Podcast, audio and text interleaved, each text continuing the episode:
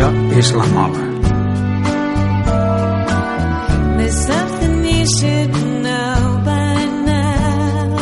Els meus inicis d'anar a la muntanya doncs sí que amb, amb, amb els pares sí que hem, hem, sempre ens han portat el, el diumenge doncs, d'excursió i ens han portat ja doncs, per diferents llocs del massís doncs, i a més a més també la inquietud aquesta de descobrir contrades. Parlo doncs de amb anys que potser tampoc no es, no es corria tant doncs d'anar cap al Puig Andreu cap a les zones ja doncs el, el, el Pujol de, de la Mata i després anar cap al Puig de la Bauma i Moral d'en Vents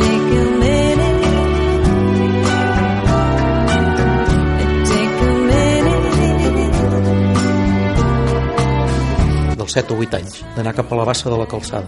Era un dels llocs també que hi anàvem sovint perquè una mica el meu pare recordava que s'hi havia banyat allà a la bassa de la calçada i que no sé si són els aiguats del, del 62 que va quedar, va quedar coberta.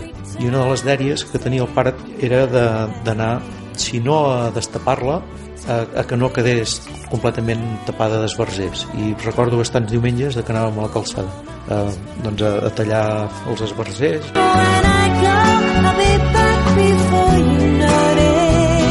a provar doncs, que, de que les pedres que feien la presa de la, de la baixa de la calçada doncs, bueno, que, que, que seguissin veient allà on estaven.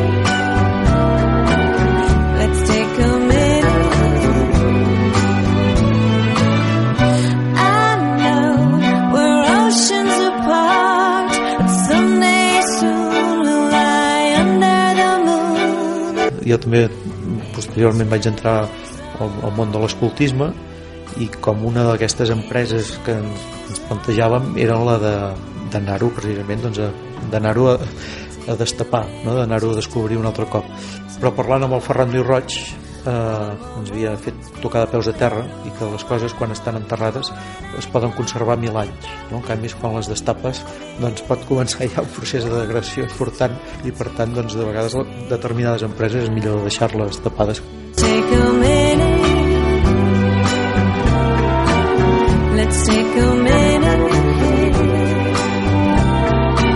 i a partir d'aquí doncs, els, els 13 anys podríem dir que comença una mica l'activitat d'escalar de, i sobretot després als 15 amb el curs d'iniciació de, de l'espirologia.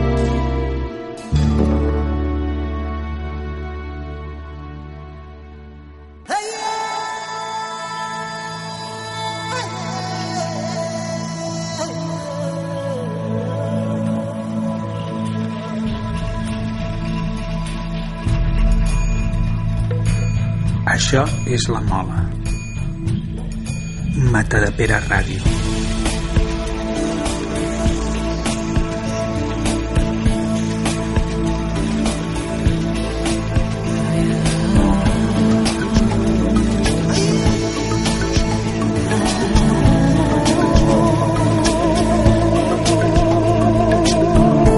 El gran guia d'avui és el Martí Puig, el Martí és d'aquelles persones que no els agrada fer soroll, que se senten bé a l'ombra. El Martí ha pres d'aquelles agulles o coves o arbres o restes arqueològiques que són molt i molt grans però que s'esforcen en passar desapercebuts fins i tot quan els tens davant per davant, a dos metres. però que la seva discreció no ens despisti. El Martí és un gran coneixedor i un gran activista de Sant Llorenç. Amb les experiències viscudes pel Martí, el programa farà un salt important en la divulgació de les múltiples formes que existeixen de conèixer i gaudir de Sant Llorenç i l'Obac. El Martí ha fet caminades, escoltisme, escalada, espeleologia, ciclisme... Fins i tot el Martí també ha fet esquí. Sí, esquí a Sant Llorenç. I també ha escrit llibres. Ah, i va participar en la lluita contra la pista de Matarrodona, rebatent arguments tècnics als promotors de la Diputació. El Martí és un llorençà de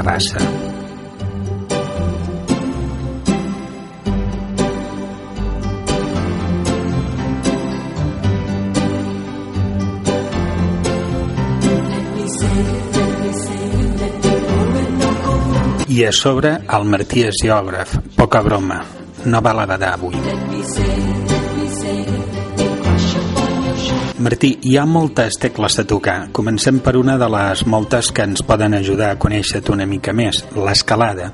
Quina va ser la teva primera escalada? Allà tot l'any. Amb qui anaves? Anava amb el meu germà, que em va posar el, el, em va punxar el, el, el verí del, doncs el, el tema de l'escalada Quan va ser aquella escalada al paller de tot l'any? cap als 79, jo sóc del 69, doncs, doncs devia ser això, cap al, cap al 79.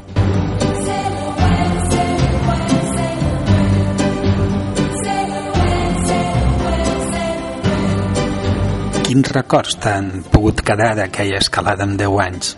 Bueno, és el fet aquest, que potser la cosa que et sorprèn més, clar, no és, no és cap gran escalada, però el que et sorprèn més és el fet de, de que no et puguis agafar la corda, no? que no et puguis agafar la corda i que et diguin no, no has d'agafar la corda i tampoc pots posar els, els genolls I, i potser el que et queda més és el fet aquest, que veus que el teu punt de suport sí que hi ha la roca que t'hi agafes però tens la visió de la corda que diguem és el, que és el vincle d'unió amb, amb la seguretat no? i és com un contrasentit no t'agafis a la corda, agafa't a la roca si caus no et passarà res i potser el, el, el record que tinc és, és aquest no? aquesta contradicció I vas caure? no, no. generalment m'ha agradat molt poc caure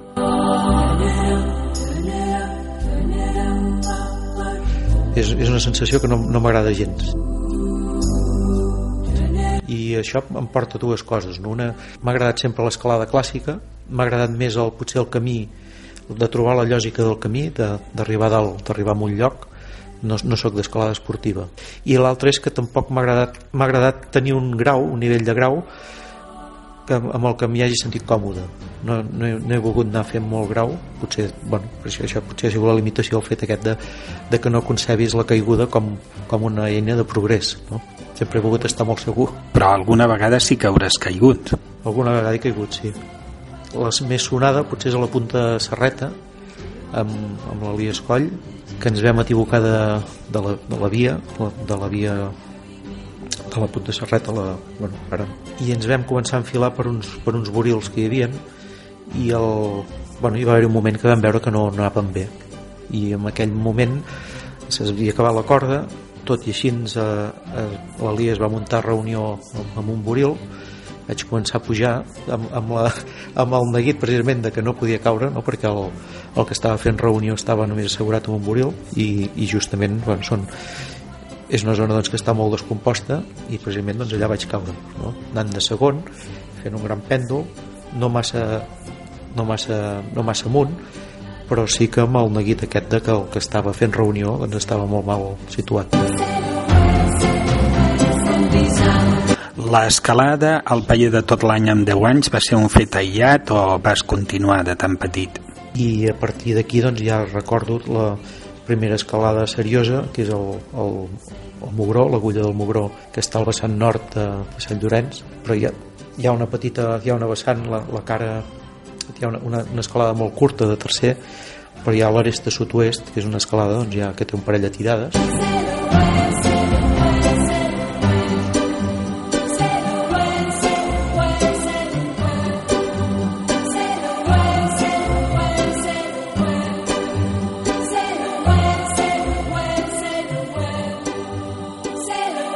Deu ser d'aquells que abans de fer el curs d'escalada ja t'havies enfilat per molts llocs. abans del curs de l'escalada, la primera escalada que recordo anant nosaltres dos, el, el que feia habitualment cordada, que és, que és l'Elias Coll, recordo una escalada al cavall Bernat, de dir d'agafar el material de, de Magatotis dels, dels germans, no? de, dels dos germans, ell també té un germà que també també escalava, i una pujada, doncs això, la primera ascensió com acordada, al cavall Bernat d'aquí de, de Sant Llorenç, i fent, esclar, fent uns nusos com, com un nus de sabates, allò de dir, el, ell, ell va passar de primer, el vaig assegurar, després em vaig lligar jo, però allò que fas el nus de sabates el, el voldria, no? no fas ni el buit ni l'as de guia, no, no, no tens tècnica, no?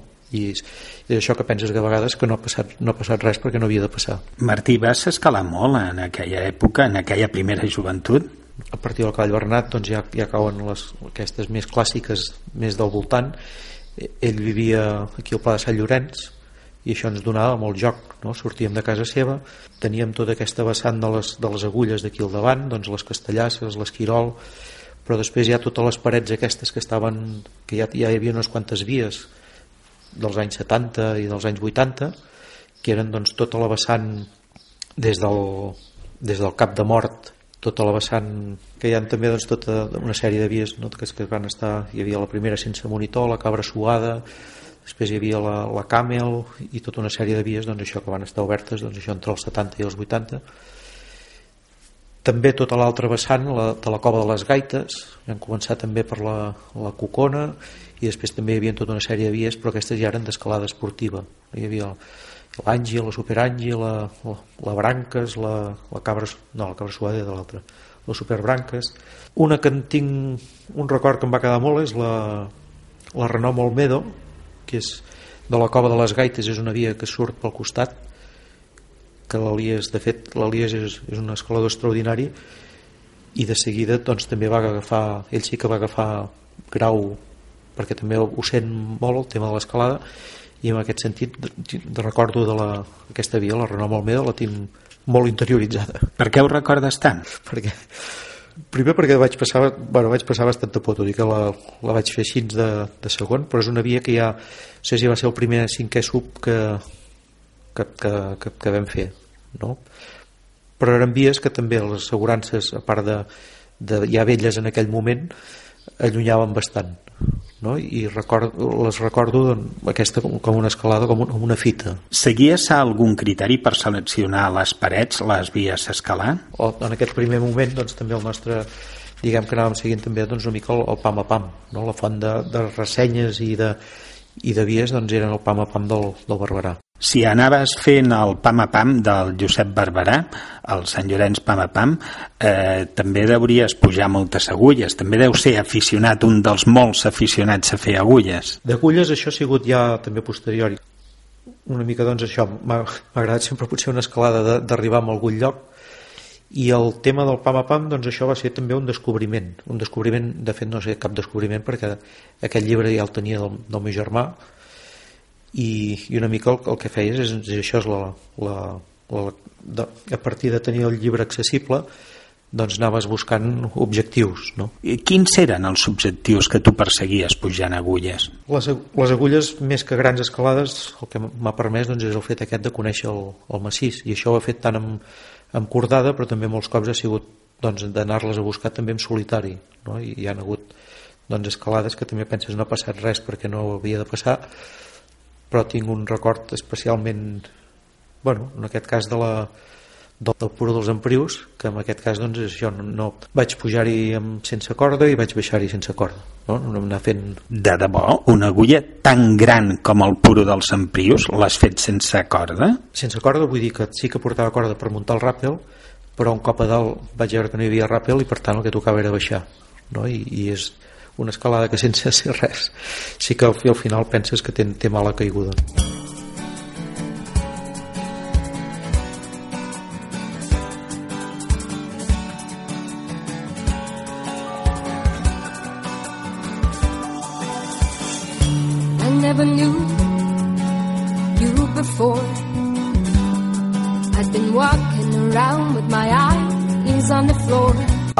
que siguis al mateix temps escalador i espeleòleg i dominis la, aquestes dues tècniques eh, t'ha estat útil per assolir algunes fites de Sant Llorenç del Munt? el que m'ha donat l'espelo és, és que tenia bastant o se'm donava bastant bé el tema del, del, del remunaix, no? de la tècnica del remunaix i aquest fet també m'ha portat doncs, el fet de, de buscar també bastant les xamaneies no? i de xamaneies és, és un tipus d'escalada doncs, que sempre m'he sentit molt, molt còmode no? hi ha gent doncs, que prefereix més les plaques potser també he trobat molt interessants doncs, el Torres i el Noviola la corda de Torres Noviola pels, pels itineraris sempre que, que els he trobat molt atractius sempre i també perquè també han sigut uns grans xamaneistes no?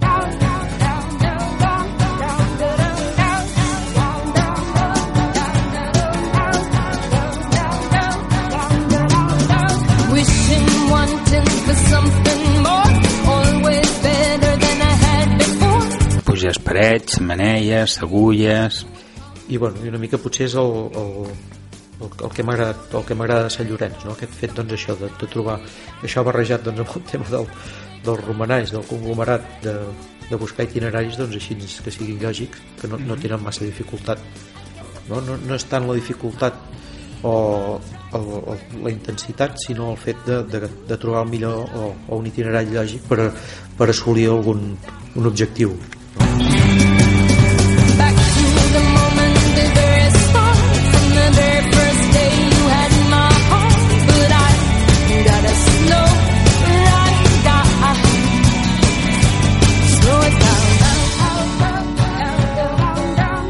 també estàs fent, escalant, pujant als cims de més de 3.000 metres.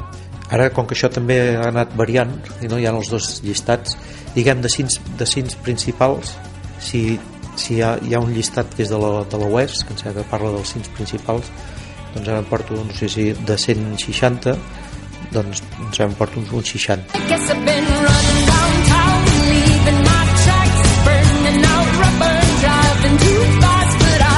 I de l'altre llistat que, que incorporen ara puntes i les puntetes en porto uns 80 que, que això és, això és l'altre no? l'escalada clàssica de fet l'escola ha sigut Sant Llorenç després Montserrat i després doncs, també d'anar a buscar les, les clàssiques també doncs, del Pedraforca, de la Serra del Cadí i, i fins i tot bueno, de, de l'estranger he fet poc no? però he anat cap a la doncs, potser l'única sortida que he fet és cap a les Dolomites i per, per anar a escalar eh? per anar pròpiament a escalar doncs, a, a les Dolomites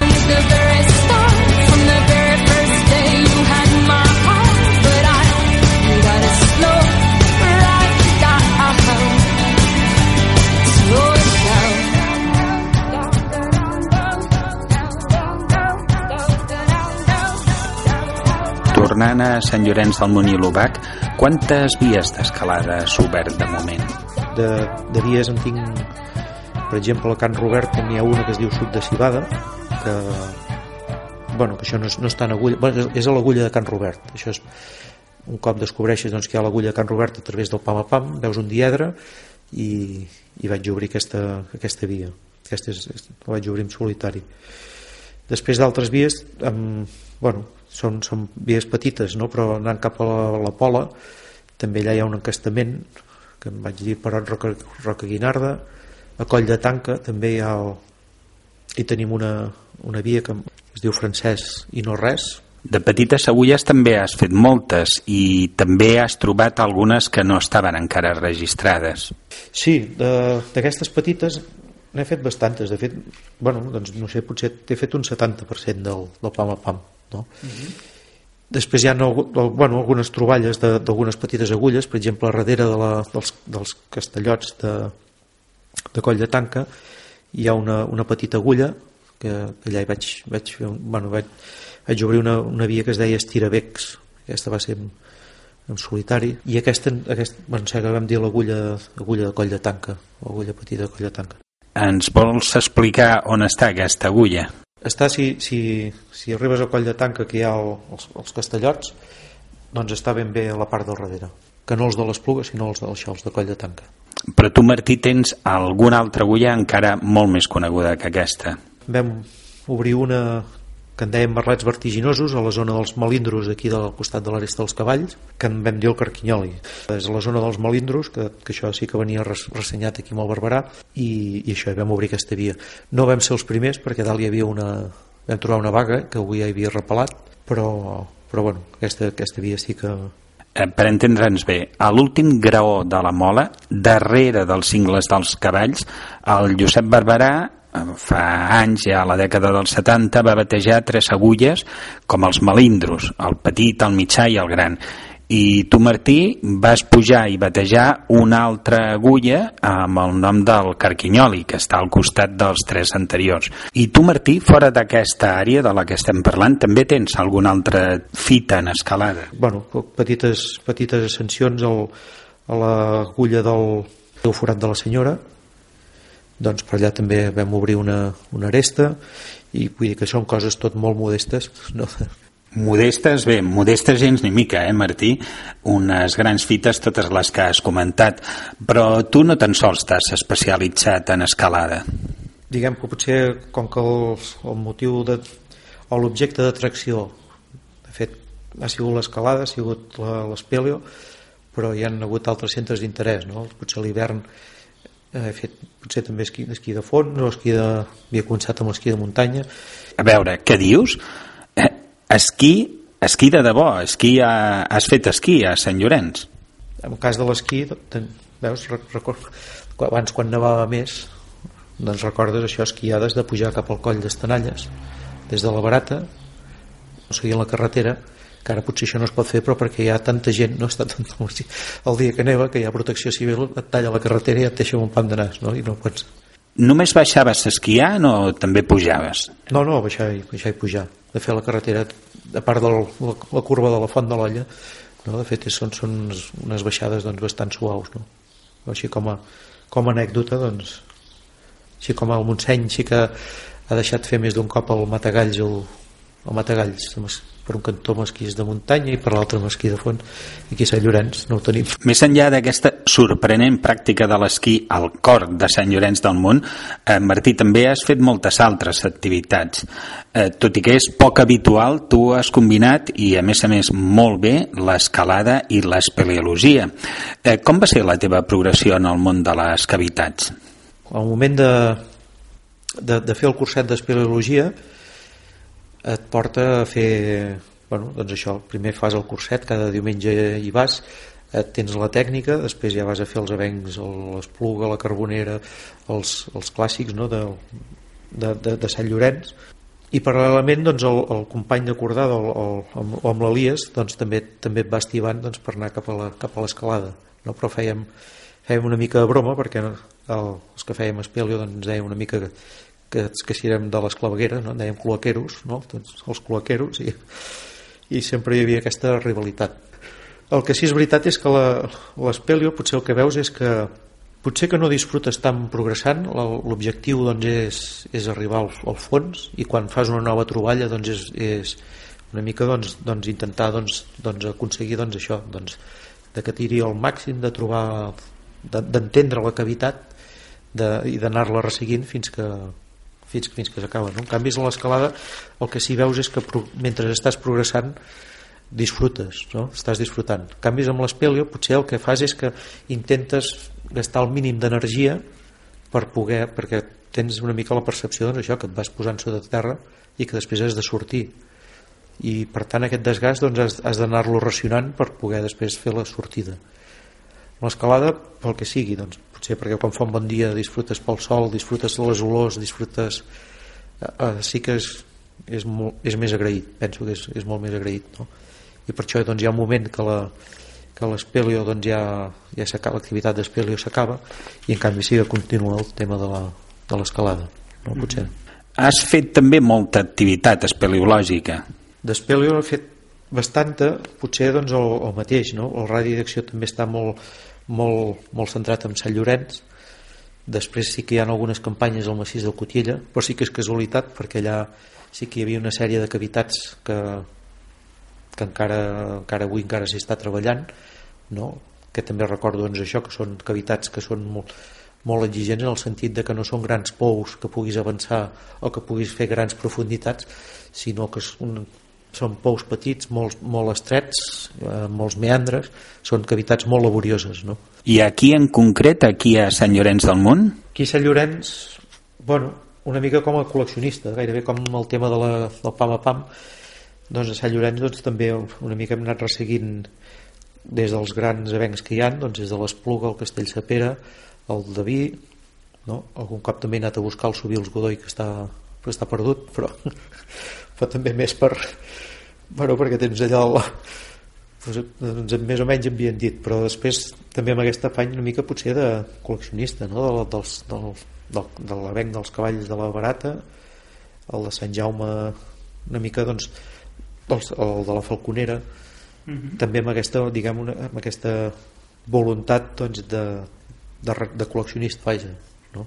de més grans a més petites també recordo amb, amb el Xavi Badilla les campanyes aquestes de unes sortides col·lectives que es fan o que es feien al programa el cicle nadalenc no? que, que es anaven a, buscar doncs, això doncs, de cavitats més serioses com l'avenc del Moronell a d'altres més petites com l'avenc de Can Bufí que de fet t'arriben als, als, als genolls no? és un avenc que, que no fa ni mig metre però que de fet com a com el que té l'espeleologia, que hi ha també aquesta vessant doncs, doncs científica, de veure com s'origina, d'intentar explicar com s'ha ori originat la cavitat, doncs són, són cavitats que en qualsevol moment també es poden, o es poden destapar, o vull dir que s'han de tenir així també materiades. No?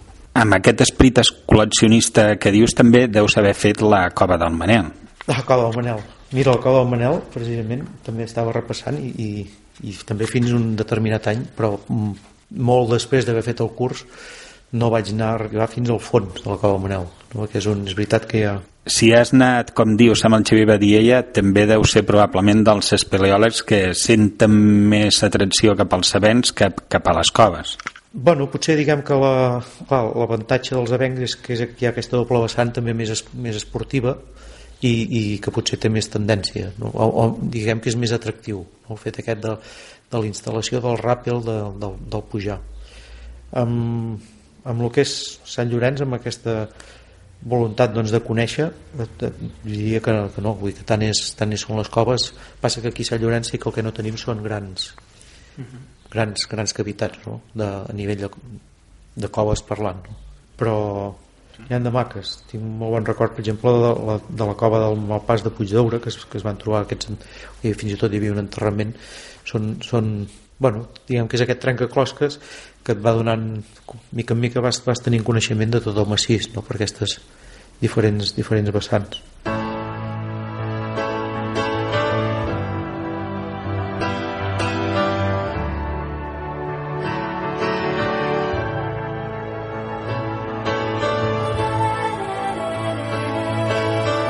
Com hem advertit, la ruta amb el Martí Puig ens porta a molts diversos indrets.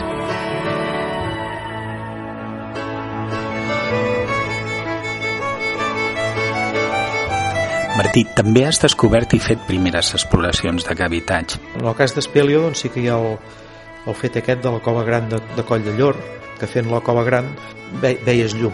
Pensaves que això havia de, ser, havia de tenir continuació.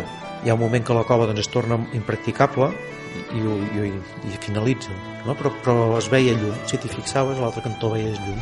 I això va portar doncs, que un dia sí que vam fer un, un ràpel per l'altre cantó i vam tenir la sorpresa doncs, el fet aquest que gairebé vam doblar la, la longitud de la, de la cova gran de Coll de Llor amb el, amb el ràpel aquest ens vam adonar doncs, que, que continuava que feia un integral, tot i que és impracticable per aquesta part del mig, però anant per l'altre cantó doncs dobles el recorregut i que té tres, té tres boques.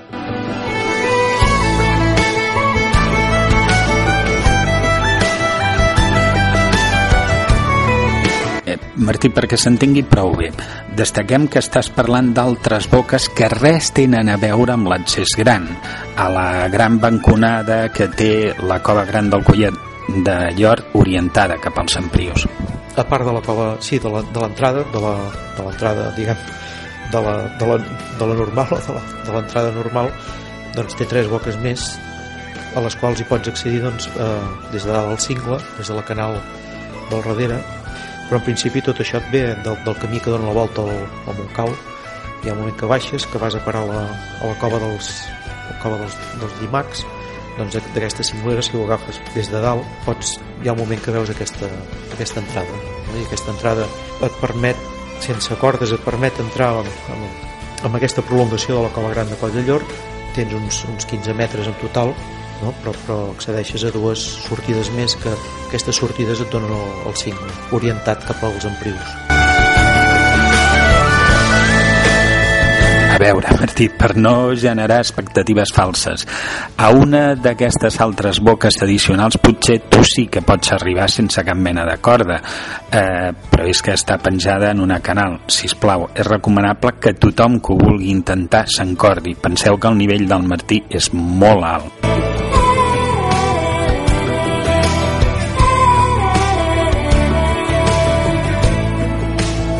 Bé, Martí, una vegada veu explorat tots els conductes addicionals, a partir d'aquell moment la cova gran del Collet de Llor passa a dir-se foradades del Collet de Llor. Sí, això en vam dir les, les forades de Collet de Llor i després el sobrenom, que aquest potser és més, més col·loquial, no més, més que no, no, no potser penso que no és un, un topònim per posar un mapa no? en dèiem eh, les gateres de l'il·luminat no? perquè des de, des de la cova gran veies una, veies una llum i pensaves, aquesta llum és que això ha de continuar no? I, i efectivament això va, continuava Amb qui vas fer l'exploració de les gateres de l'il·luminat? el dia que vaig fer això anava amb el, amb el Roger Garcia que és amb el que vam, ens vam iniciar amb el tema de la, de l'espeli, vam fer el curs de fet vaig fer el curs una mica propi, una proposta de, del Roger. La topografia de les gateres de l'il·luminat les veu fer directament vosaltres? Sí, aquesta topografia que la vam publicar el, la 6 i va haver-hi un moment que el Xavi Badilla va impulsar una, una circular interior que en van sortir doncs, 27 números. En quin any vas fer aquesta exploració? i això és de 87 això és de 87 el curs el vaig fer el 84 que eren 15 doncs això tenia uns 8, uns, els 18, els 18 anys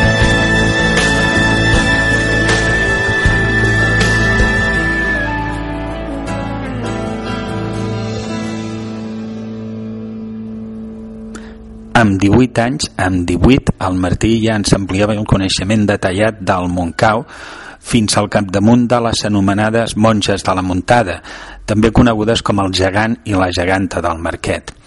En aquell sector, el grup ERE del Centre Excursionista de Catalunya havia estudiat a mitjans dels anys 70 la cova dels imacs, dels mosquits i la part principal eh, d'una cavitat molt bonica i recomanable, que és la que estem parlant, la cova gran del Collet de Llor. Uns anys després, el Martí va trobar la continuïtat de la cova en tres boques més, tal i com està explicant. Val a dir que totes les descobertes a la zona no s'esgoten aquí.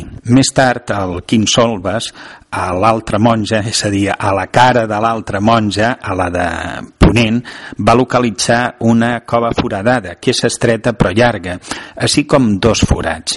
Per la zona, però ja amb accés molt més difícil, el Quim i el Jordi Guillemot també van trobar la cova de les monges, en la qual hi ha una inscripció bastant esborrada del grup ERE del Centre Excursionista de Catalunya, datada al 1976. El Jordi Guillemot, com sempre, té fetes i pendents de publicació les topografies d'aquestes cavitats, i és que el Montcau amaga moltes i bones sorpreses. Martí, tu també has estat el descobridor d'altres cavitats ben conegudes. també el Puig Conill anant cap al Morral de la Bassa també hi ha un moment que hi ha una, una cavitat pues una cavitat és, és un avenc que està des, com desventrat no? perquè sí que és un forat, veus que és un pou però que és, diguem, és un integral tu això pots agafar-t'ho gairebé com una canal i pots passar des de, des de baix del Puig Conill eh, pots pujar dalt al cingle fent una mica de remunaix Ara, Martí, ens estàs parlant de la foradada del Puigconill, que, que és molt coneguda. Quan vas localitzar-la, pujar-la i estudiar-la? No sé si devia ser doncs, cap al, al 90 i és això vull dir que primer ho havia utilitzat doncs, com a gairebé per, per pujar cap al Puig Conill i pujar cap a dalt el, bueno, per pujar dalt al, al Morral de la Bassa no? com una altra, mm -hmm. una altra via perquè aquí sota de fet tot venia perquè aquí sota semblava també que hi havia un principi de cavitat però el que es passa que és molt, és molt petita vull dir, de fet no, no arriba ni, ni que es pogués desobstruir sembla, inicialment sí que ens pensàvem que podia, això podia tirar més però no, vull que ni que des- desobstruïssis no, Amb aquesta foradada tornes a confirmar com un expert en la tècnica de pujar fent remoralls, perquè una de les característiques, com estàs dient, és de que pot servir per anar a la part de dalt del cingle. Realment això del remoralls ho, ho has fet servir molt i en molts indrets diferents. Pen- penso també que això quan vam començar a escalar també utilitzàvem cap a l'última cinglera de la Mola hi ha les coves del, dels monjos i hi ha una xamaneia que també puges fins a dalt. I aquesta també la pujàvem però sense cordes ni res vull dir, era, un, era, diguem que era un pas que no, no és que el féssim servir sempre però que anys després hi ha passat i, penso, i, i dius, ostres, i per aquí ens enfilàvem? I també és això el mateix, era una xamaneia que, bueno, que et, per, et permetia fer l'últim pas cap a dalt no? cap a, Algun altre via en remoralls que hagis fet molt, en coves, en agulles, en cingles?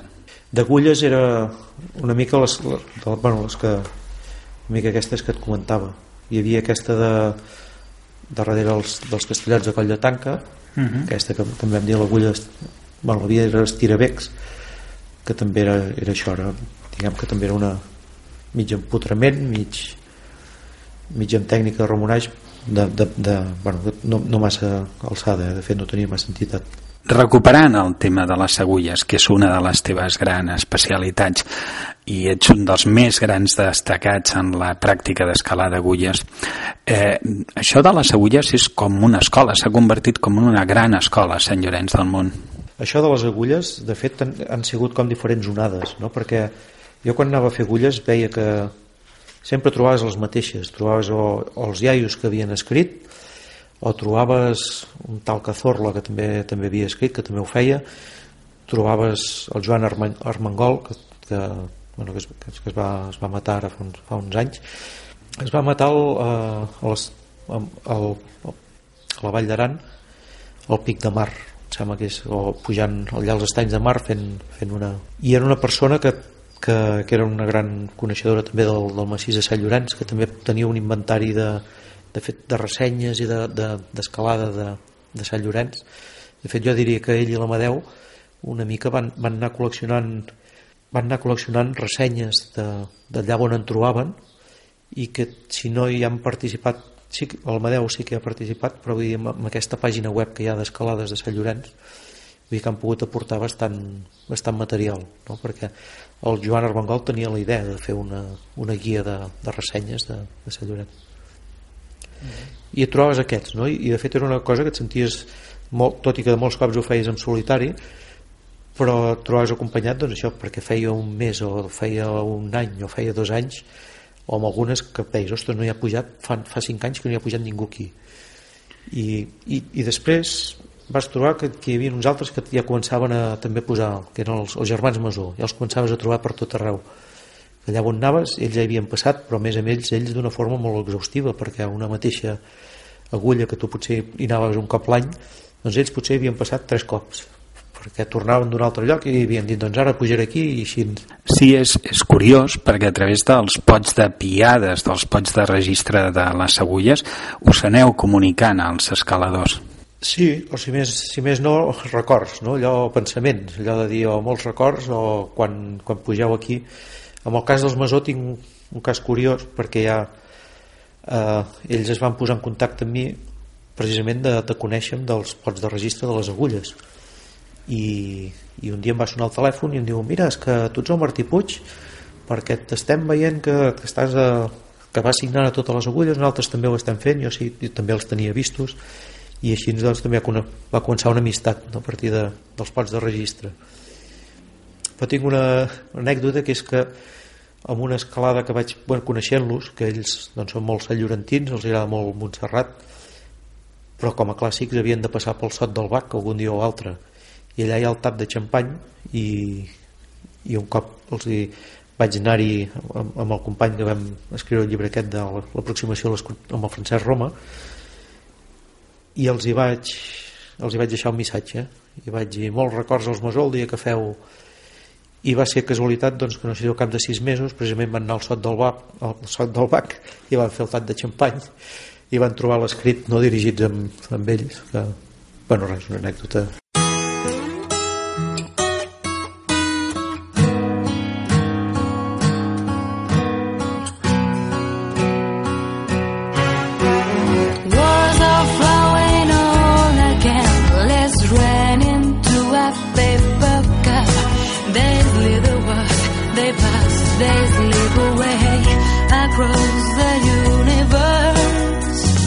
Martí, encara no hem parlat de tu com a ciclista. Eh, també voltes per Sant Llorenç del Munt i la Serra de l'Ubac en bicicleta.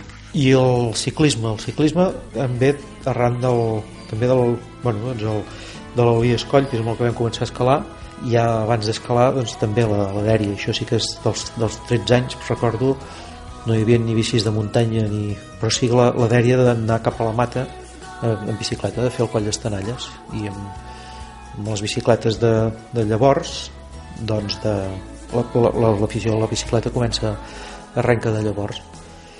No hi havia bicis de muntanya però sí que doncs això, havíem començat a coll, a fer coll d'estanalles havíem anat cap a, Mont a Montserrat havíem fet el que en deien la volta del 100 que em sembla que no fa 100 però que és la volta al massís de Sant Llorenç això tot per carretera. Anàvem molt cap a Sant Llorenç Savall cap a Sant Feliu de Codines cap a Gallifa una mica als, als voltants que és la bicicleta de fet és molt, molt agraïda no? perquè si te trobes They call me on and on across the universe. Així, una de les teves rutes en bicicleta és la volta del 100. déu nhi Per on passa la volta del 100, Martí? Sí, deien la volta del 100 perquè de fet marxaves per Coll d'Estanalles i tornaves per Sant Llorenç Savall. Eh, feies fins a Navarcles, vas fins a Calders, Monistrol de Calders, el Coll bueno, i, i Sant Llorenç Savall i tornaves per Castellà. I aquestes percepcions que de fet sempre la feies en aquest sentit i perquè tenies la percepció de que fer-la al revés, marxant per Sant Llorenç Savall, doncs que seria molt més dura i tornant per Coll d'Estanalles. No? I, a vegades aquestes percepcions ens enganyen i, i almenys personalment ara tinc la percepció que és molt més senzilla fer-la així en sentit contra les agulles de rellotge Nothing's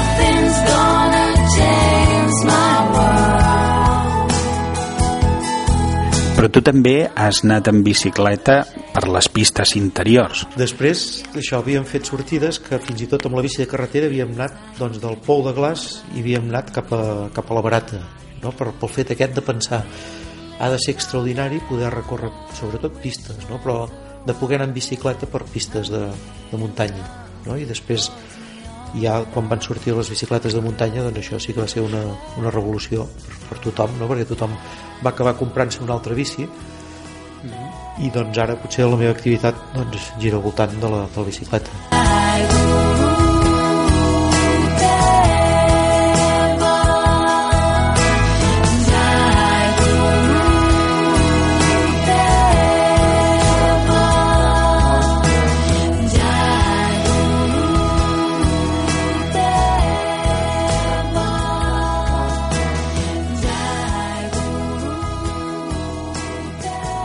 Hi ha regulació per fer servir la bicicleta dins de l'àmbit del parc natural. Què et sembla, a tu? o fins fa poc estava, estava regulat el fet d'anar en bicicleta i de fet trobo que està bé no? que estigui regulat perquè és, la bicicleta diguem, primer que és un factor doncs, que quan es massifica doncs, també és un factor d'erosió i segon també és un tema d'educació eh? perquè el, com tot hi ha, hi ha, doncs, hi ha gent doncs, això que no té en compte doncs, que hi ha gent que va, que va a peu, que va amb una altra velocitat i Sant Llorenç per bo i per dolent doncs, és un massís que està ple de gent per tot arreu i en aquest sentit doncs les, la, les sortides que faig per Sant Llorenç doncs sí que sempre és amb nivell d'utilitzar emprant pis, pistes no? doncs de pujar cap a Can Torres i saltant cap a cap a cap a passant per sota les Castellasses no? i anant cap a Can Cadafalc després tirant doncs, cap a Sant Feliu bueno, Sant, sí, Sant Feliu de Codines o després aquests vessants també d'anar cap a la Serra de l'Ubac de les Vendranes i, i bueno, de, de Rellinars també i després saltant ja cap a que pots, pots saltar ja també cap a doncs cap al Bages no? però sempre provant de respectar doncs, el que són camins Martí, hem estat parlant de les diferents formes de voltar per Sant Llorenç del Munt, però ara també, si ens permets, també voldríem tractar dels diferents motius que et porten a la muntanya.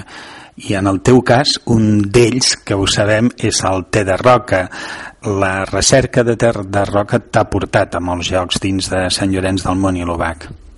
Bueno, o, sí, bueno, de fet el, el Terra Roca a casa sempre s'hi ha cregut, saps? No, no sé si ha cregut um, perquè primer el Terra Roca representa que anava molt bé per l'encostipat i el preníem per l'encostipat però després agafes el dioscòrides i el que diu és que és un digestiu no? que va per, les, per, les, per fer la digestió bé el, sigui com sigui, el cas és que a casa sempre s'hi ha cregut i és, i és, bueno, és una, una planta que té aquesta tendència és una, una planta rupícola però a més a més té tendència de posar-se a les cingleres no? i de posar-se sempre en llocs extrems i hi ha aquell, aquell punt de que quan trobes una mata sempre vas acostant-te cap al, cap al precipici per anar agafant-la i, i bueno, vull dir que, que de fet és quan arriba la temporada que de fet el Talla Roca escull per Sant Jaume no? el juliol doncs, doncs bueno, tenim, la, tenim la sort que se'n fa no? que sempre provo primer mai el Talla Roca no, no s'arrenca la planta no? es, fa, es fa torsió i es trenca la branca i el Talla Roca el que et fa és que també s'obre i, i et surten les llavors eh? una mica quan vaig a buscar-ne el que faig és que faig, agafo unes branquetes però el que no deixo mai és la planta sense, sense branques no? sense,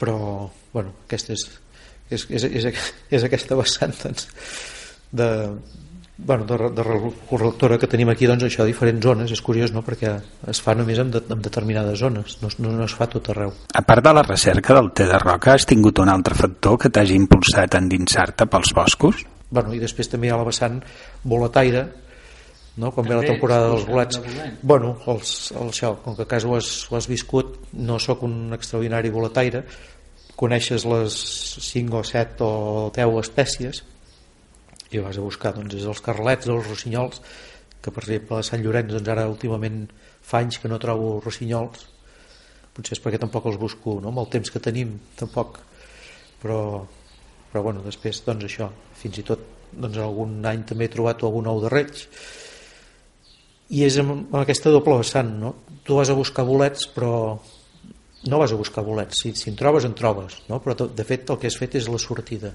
i el mateix potser t'has enfilat amb una agulla o t'has posat en una cova i si has trobat bolets doncs a més a més estàs, estàs content no?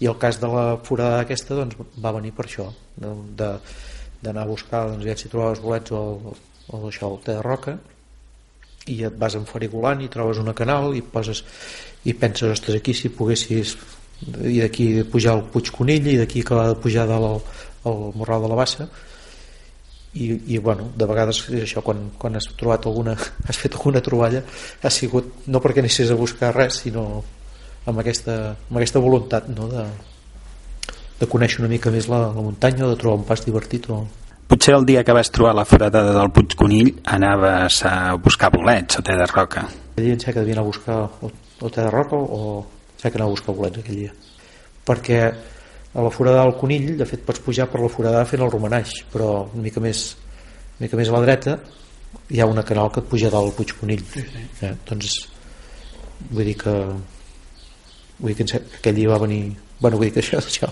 aquell dia em sembla anar pels bolets ja em s'hi trobava El que sí ens deixes clar és que la recerca de té de roca o de bolets t'ha portat a fer o ha estat el motiu pel qual has pogut fer algunes de les teves grans descobertes a Sant Llorenç del Munt. bueno, això, això t'hi porta és com la, la canal aquesta la- l'agulla aquesta del canal de les Teixoneres que, bueno, que, que veus una cosa senzilla veus, penses que no és, no és cap que no és complicació també estàs segur de tu mateix són temporades doncs, que si has escalat tens confiança i també és veritat doncs això que no, Ara et deus estar referint a la impressionant xamaneia de la canal de les Teixoneres, que també crec que vas fer, sen, o pel que dius vas fer, sense corda. Sí, perquè aquí de fet aquesta l'havia fet i sense cordes, allò que dèiem, no? que hi havia un moment que, que estava segur de tu mateix i aquí hi havia, hi, hi havia anat i és això, hi havia fet, hi havia fet aquesta xamaneia. No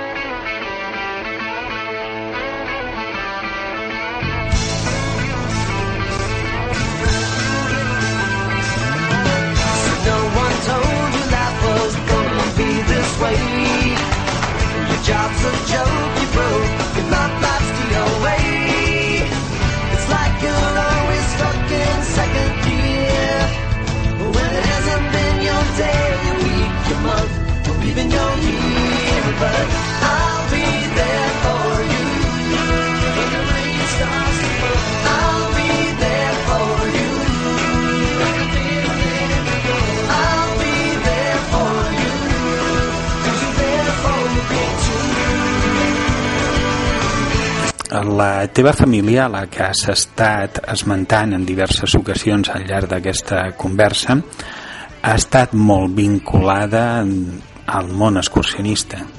o l'avi Francesc Cabessa Sabater. Va ser una persona molt activa en el món excursionista de- d'abans de, la guerra. I ell va, va estar al, grup excursionista de Montserrat i, i posteriorment sé, sé que va estar de fet en, en més d'una entitat. I fins i tot doncs, també tinc el, el butllet, bueno, diguem la inscripció quan es va fer membre també del centre excursionista de Terrassa. Amb això el que vull dir és que ell de fet no, no és que només fos d'una entitat sinó que, que vivia molt el, el, vivia molt l'excursionisme i, i, i ho feia compatible. Després quan hi va haver-hi la dissolució de les entitats i va quedar al centre doncs va, va passar a formar part del centre. Podríem considerar que s'ha heredat l'afició del teu avi. l'excursionisme que, que he viscut jo no puc dir que vingui de- d'ell perquè el, el vaig conèixer de, de molt petit però sí que després quan he anat tenint inf- informacions sé que és una persona doncs, que va estar molt implicada en la vida de les entitats excursionistes de Terrassa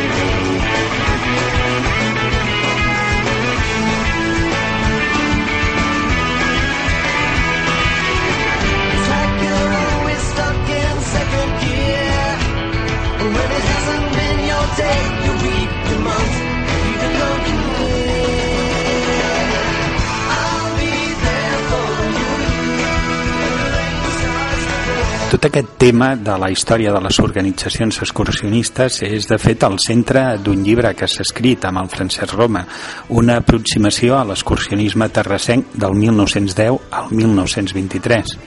bueno, una mica amb el, llibre que, que vam fer de, fet el, el que ens va sobtar molt és que és això, abans de la guerra hi havia un nombre important d'en- d'entitats qualsevol qualsevol associació doncs, muntava o, o una secció excursionista o pròpiament l'es- l'entitat era excursionista i, i en aquest moment bueno, i, i, en, i en el moment que es produeix doncs, doncs que, hi ha la, que hi ha la guerra i que es fa la, la fusió doncs va haver-hi gent doncs, que, no, que no va pair-ho i va haver-hi gent que, que eren amics de l'avi fins i tot que no s'havien volgut fer mai del centre excursionista perquè els hi quedava doncs, el, el ressentiment no? el que passa que doncs, després eh, bueno, diguem que en el moment que es, que es deixa una un, única entitat que fa de paraigües diguem per, per, la, per, per, per les altres entitats no?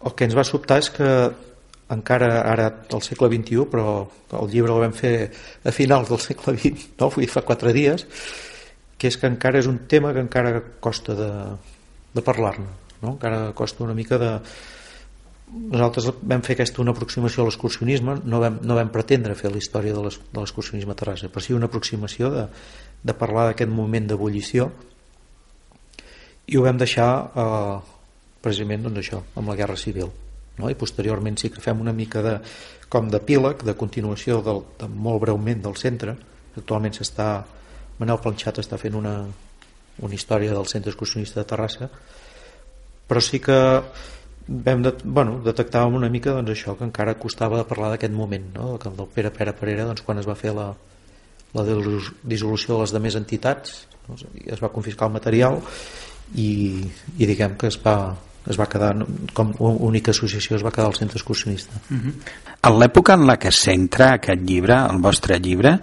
una part important de l'activitat excursionista eren les trobades, les acampades, les fontades... Sí, en aquest moment doncs, bueno, diguem que, que, que per la gran majoria de, de socis sí que la, la sortida doncs, és, és el, el tema que comentaven de les fontades no? les fontades, les, les, les trobades doncs, per anar a veure doncs, restes històriques, monuments per anar a veure ed- edificis no? per recu- recuperar una mica aquesta, aquest, aquesta consciència això lligat doncs, amb el tema de la, de la renaixença doncs, de, de recuperar aquest, aquest, aquest ser aquest, bueno, la, la part de la història doncs, que havia estat doncs, també silenciada no? I, i aquesta voluntat doncs, de voler inventariar de voler, de voler conèixer descobrir i recuperar aquest, aquest passat aquest passat esplendorós Quines més coses et van sorprendre d'aquella època?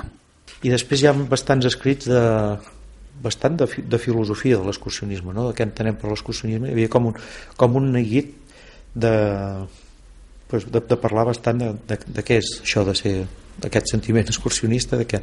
Però vols dir que cada grup tenia una filosofia excursionista diferent? N'hi ha tantes.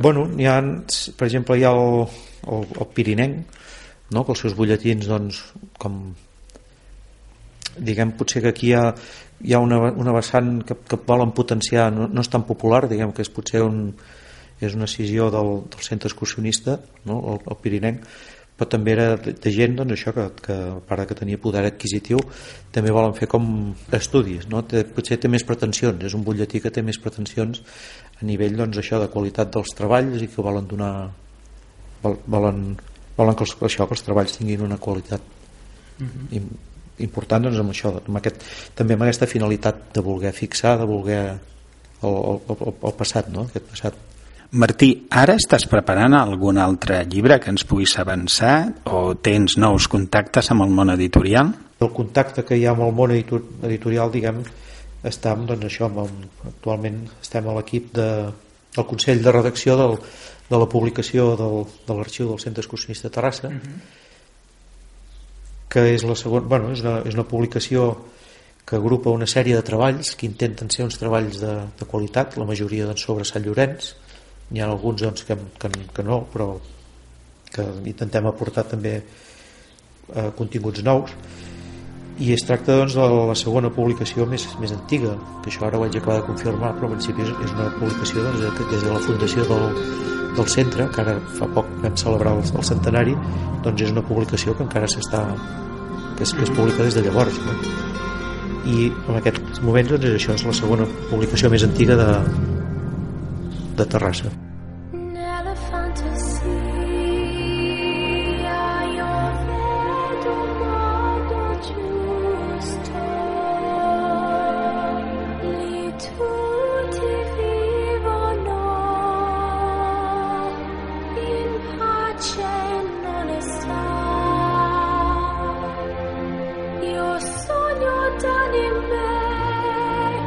Ja sigui perquè hagi s'ha anat caminant, escalant, pedalejant, fent espelio, o ja sigui perquè anaves a cercar te de roca, bolets o el que sigui, el que és cert és que coneixes pam a pam, racó a racó, Sant Llorenç del Món i la Serra de l'Ubac.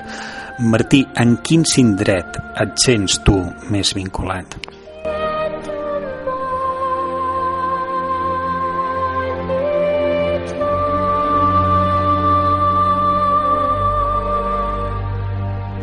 Tinc molt bon record tot i que precisament ara no és, no és el que ho disfrutes però per exemple tinc molt bon record de tot, totes aquestes cingleres del, del, del cingle dels cavalls de, i dels camins aquests doncs, eh, cap als plecs dels llibres cap al, cap, a la, cap, al, bueno, cap al camí de la senyora cap als, als camins, tots aquests camins que van fent el- els, els diferents relleixos de Sant Llorenç no? de, cap a les castellasses del Dalmau i, i d'això en tinc molt record perquè també és els anys que he disfrutat més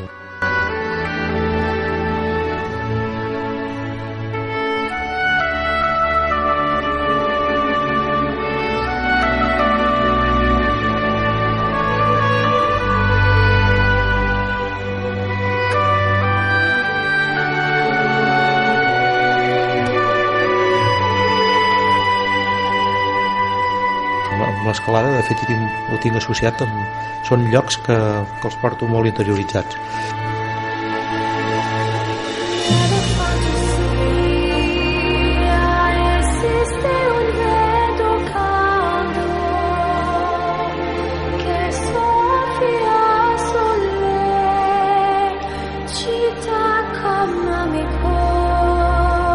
També és veritat que ara quan, quan surto també tinc tendència a anar a recórrer doncs, aquests llocs que també ens, ens, ens havia portat el, el pare no? doncs, tota la part dels emprius que són, són llocs doncs, que si vols pots, pots, pots coincidir o no coincidir amb, amb ningú no? però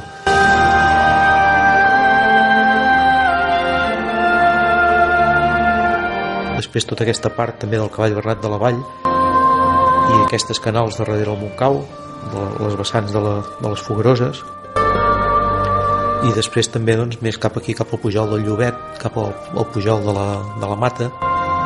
I el Sot de la Bota també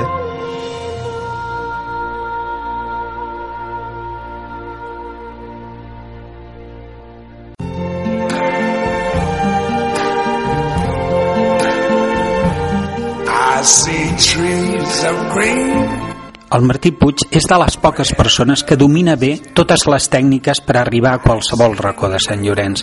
La seva versatilitat, gran curiositat i el gust pel té de roca o els bons bolets l'han portat a il·luminar-nos llocs desconeguts. A més, també gaudeix estudiant amb rigor la història del massís. El Martí Puig és un dels nostres grans humanistes. Tot i la seva discreció, el Martí fa i farà gran Sant Llorenç. What a wonderful diguem que és aquest trencaclosques que et va donant mica en mica vas, vas tenint coneixement de tot el massís Això és la mola.